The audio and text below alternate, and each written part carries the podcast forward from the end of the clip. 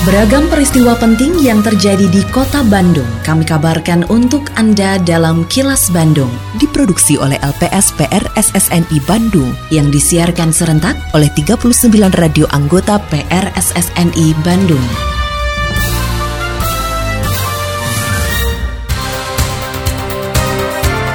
Sejumlah informasi aktual kami hadirkan untuk Anda dan inilah informasi utamanya.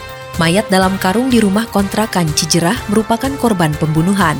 Aplikasi Sapa Warga digunakan pada PPDB Jabar tahap 2. Waspadai tawaran kerja di luar negeri melalui media sosial.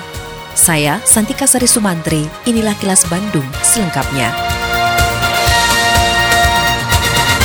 Warga Gang Family Kelurahan Cibuntu, Kecamatan Bandung Kulon, Kota Bandung dihebohkan dengan ditemukannya sesosok mayat dalam karung di sebuah rumah kontrakan dan sudah mengeluarkan bau busuk. Pemilik kontrakan Sugeng Nur Hafif mengatakan ia mengetahui adanya mayat tersebut dari anak dan cucunya yang datang untuk membuka kontrakan. Menurut Sugeng, atas temuan tersebut, ia langsung melaporkannya ke ketua RT yang diteruskan ke pihak kepolisian. Kita buka kontrakan, tahu-tahu ada barang itulah di dalam, lapor sama Pak RT. Kalau kita nggak tahu merasa bau, kan kata orang-orang datangnya kata bau.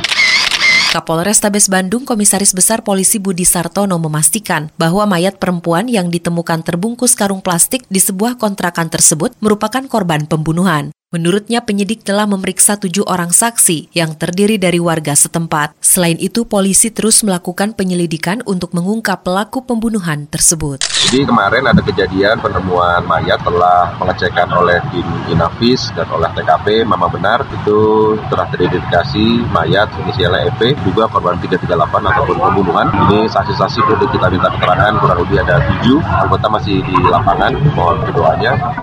Selain menggunakan situs resmi Dinas Pendidikan Provinsi Jawa Barat, penerimaan peserta didik baru atau PPDB Jawa Barat 2023 untuk tingkat SMA, SMK, dan SLB juga dapat diakses melalui aplikasi Sapa Warga yang bekerja sama dengan Diskominfo Provinsi Jawa Barat. Kepala Dinas Pendidikan Provinsi Jawa Barat, Wahyu Mijaya, mengatakan aplikasi Sapa Warga digunakan pada proses pendaftaran tahap 2 yang dimulai 26 hingga 30 Juni 2023 mendatang. Menurut Wahyu, melalui aplikasi Sapa Warga tersebut, pendaftar bisa melakukan pendaftaran sekaligus aduan dan sanggahan dalam proses pendaftaran. Oleh karenanya masyarakat diimbau teliti dan menyiapkan berkas sebelum pendaftaran dilakukan. Untuk PPDB tahun 2023 telah dikembangkan aplikasi yang dapat mengakses PPDB menggunakan uh, mobile device atau perangkat HP.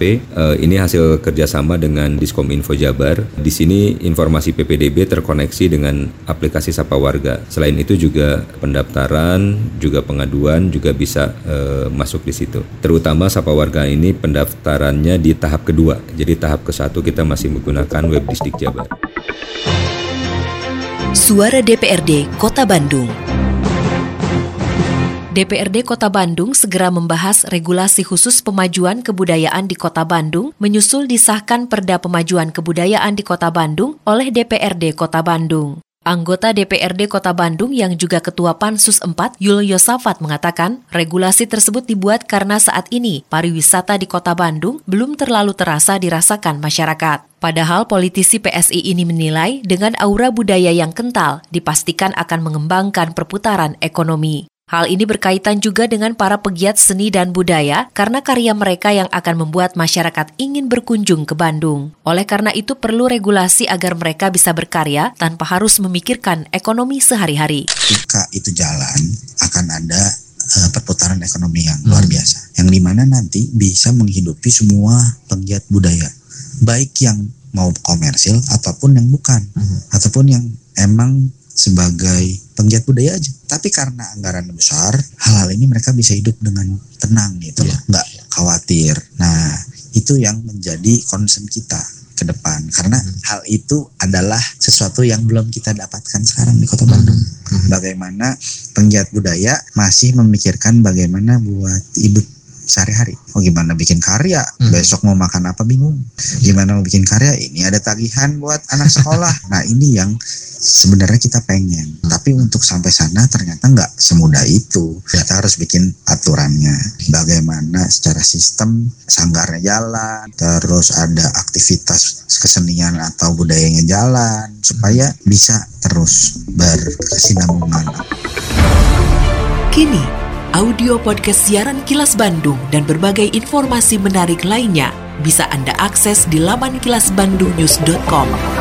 Masyarakat diimbau untuk selalu mewaspadai setiap tawaran kerja di luar negeri melalui media sosial, terlebih jika mengiming-iming gaji tinggi tanpa kualifikasi atau nama perusahaan tidak jelas serta keberangkatan tanpa prosedural. Imbauan tersebut disampaikan Direktur Perlindungan WNI Kementerian Luar Negeri Yuda Nugroho dalam acara bimbingan teknis penanganan kasus WNI di luar negeri bagi pemangku kepentingan daerah. Yuda juga menegaskan hal lain yang perlu diwaspadai adalah negara tujuan yang disebutkan oleh penyalur yang bermasalah, di antaranya Myanmar, Kamboja, Vietnam, dan Uni Emirat Arab. Tentu yang paling penting adalah melakukan langkah-langkah pencegahan melalui penyadaran masyarakat mengenai modus-modus tindak pidana perdagangan orang yang terjadi di kasus online scam.